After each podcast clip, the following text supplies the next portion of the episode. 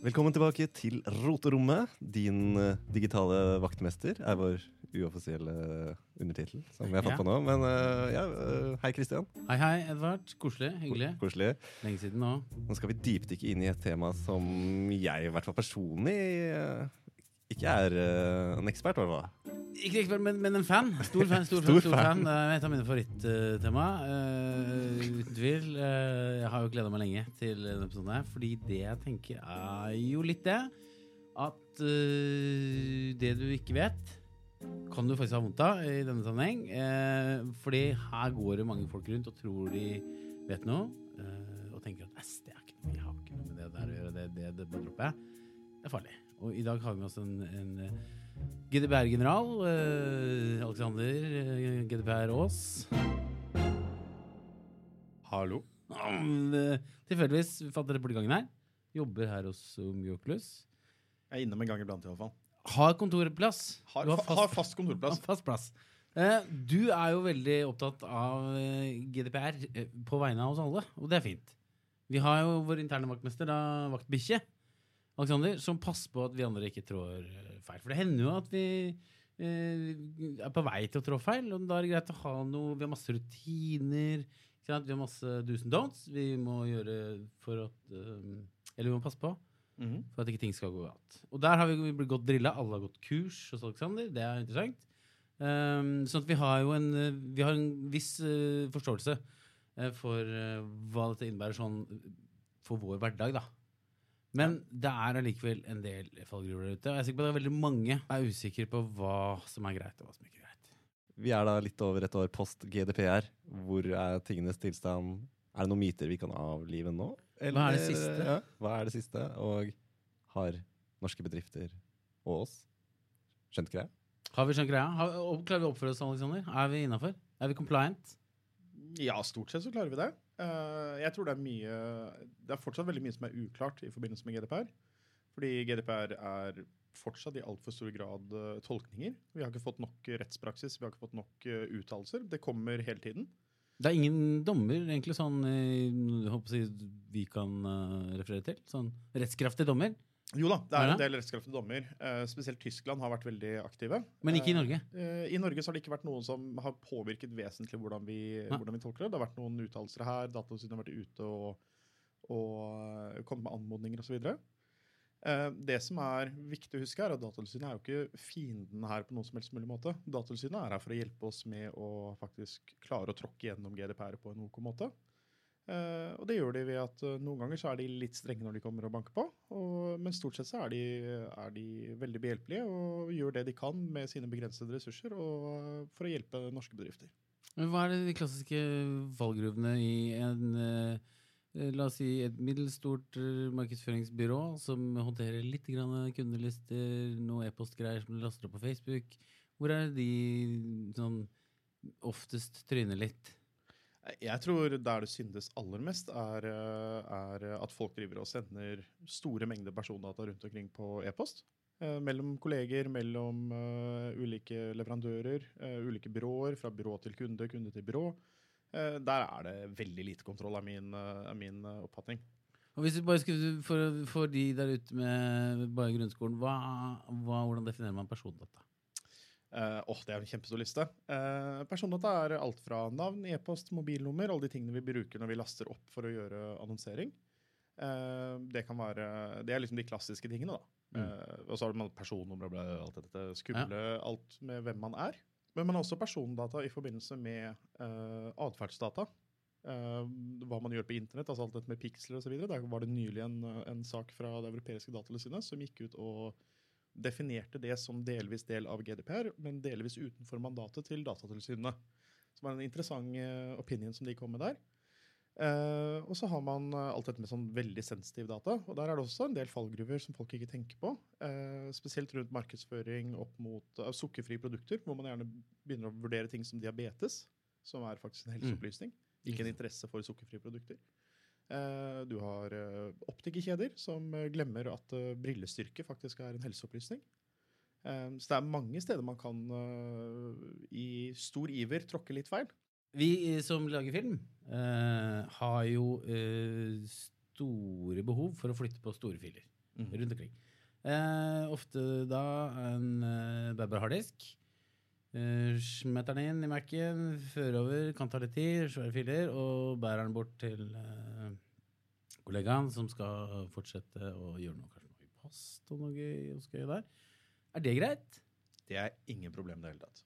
Eh, Det, det man skal tenke på rundt video, er at eh, det er selvfølgelig persondata. eh, Avbildingen av personene som er i videoene eller på bilder osv., er persondata.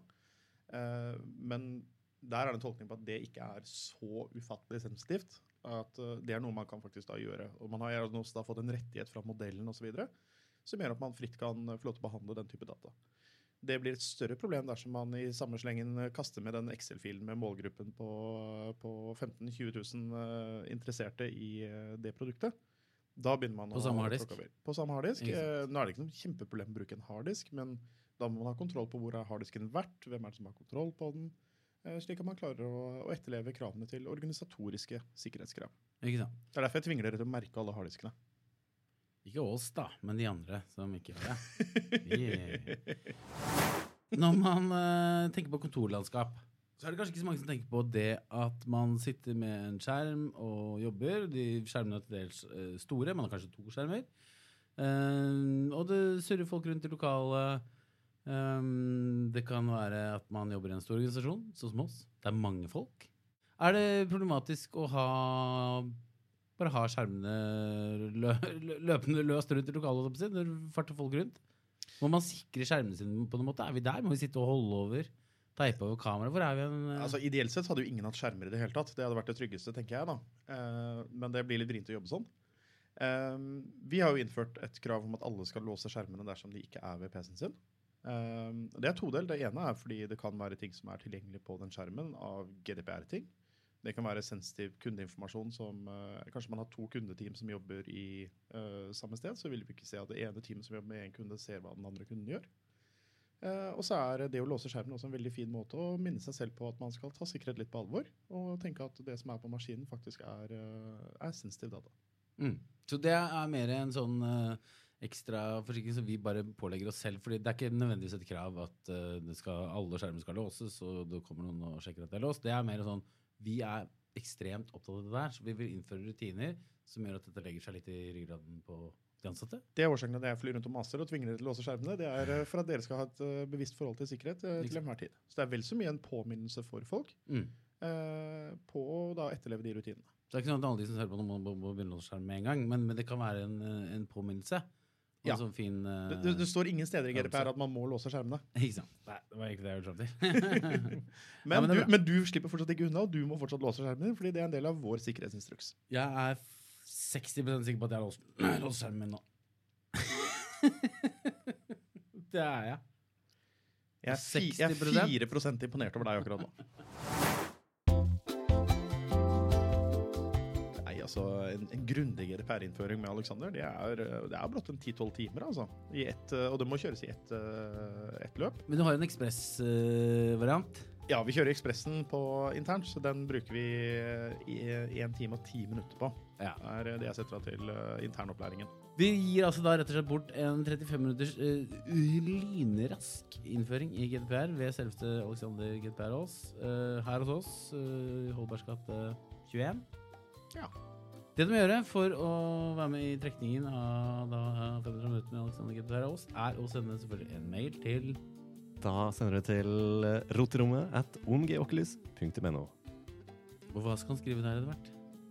Må jeg jo si ja, dette hørtes trivelig ut. Dette var koselig. Kan ikke jeg være så snill? Slengte jeg en sånn kaffe-emoji. Så- Kaffe-emoji. Ja. Emojis, da er det der. Emojis som kodeord. Mm. Det er 2019. Kodeord? Kodeord emoji. Nei, ikke kodeord emoji, men uh, krydre liksom uh, med litt emojis. Men uh, bruk noen emojis vi ikke har sett før. Det, jeg, hvis du, det første man som har en emoji vi aldri har sett før, da får du da får du, da får du. En ting man jobber ofte mye med, er jo å hente inn samtykker til forskjellige ting.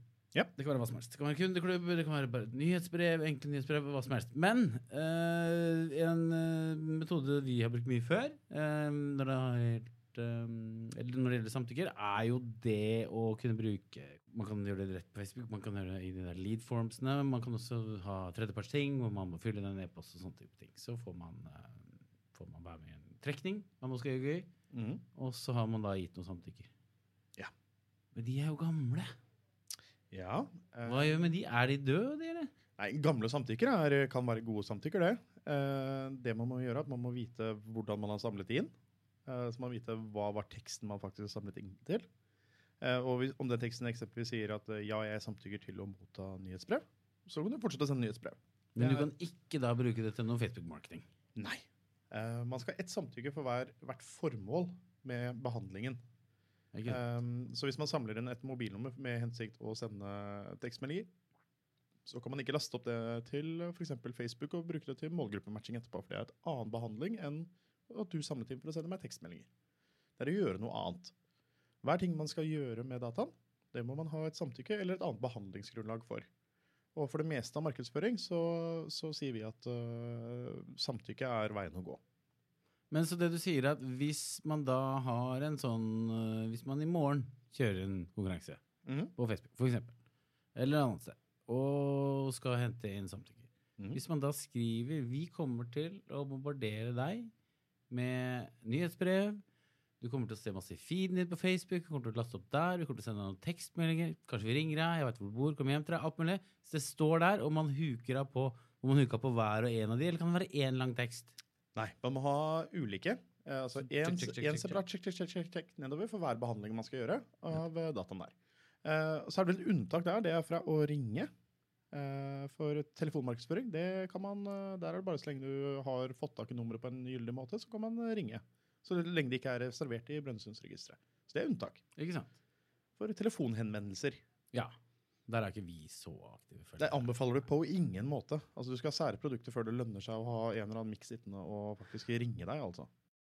Når man er inne på nettaviser Det er slitsomt i seg sjøl, men så er det ofte Kommer opp noe sånn Samtykk til bla, bla, bla. Masse greier som kommer opp. Cookies kommer opp og sånn. Ja, jeg forstår, jeg vil lese mer. Det er kanskje ikke veldig mange som vil lese, men du bare sier at du forstår, så få det vekk. Og så tenker man ja, men bra, da har jeg gjort det. Neste gang man er på nettaviser, så får man opp det samme. Og neste gang så får man opp det samme og det samme og det samme. Hva er det som foregår da? Hvor er vi da? Da er vi faktisk ikke på GDPR, eller vi er delvis på GDPR, men vi er mest på noe som heter e-privacy, som ikke er 100% avklart hvordan det blir ennå. Um, og det er e-privacy som styrer alt av cookies og, og den type ting. Uh, og det er veldig mange som tror at det er GDPR og at det er Datatilsynet osv. Det er faktisk ikke tilfellet. Det er uh, Nasjonal kommunikasjonsmyndighet, Nkom, som uh, styrer dette med cookies i Norge.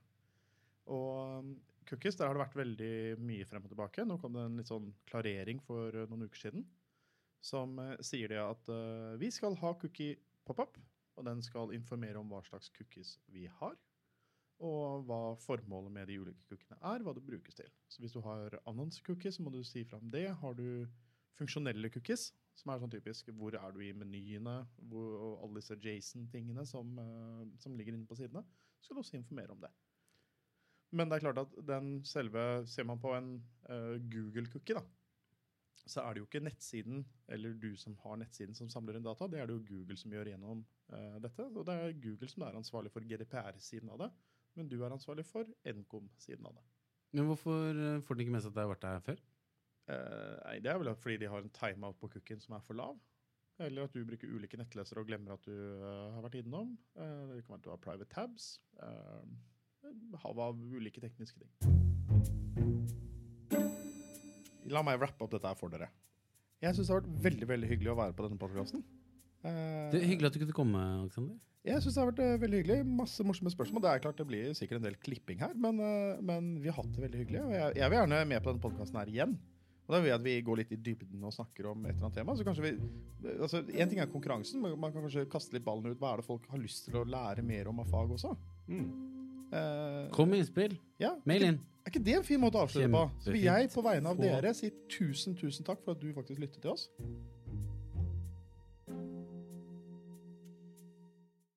Var ikke det en fin outro? Kjempefin. Ta den en gang til.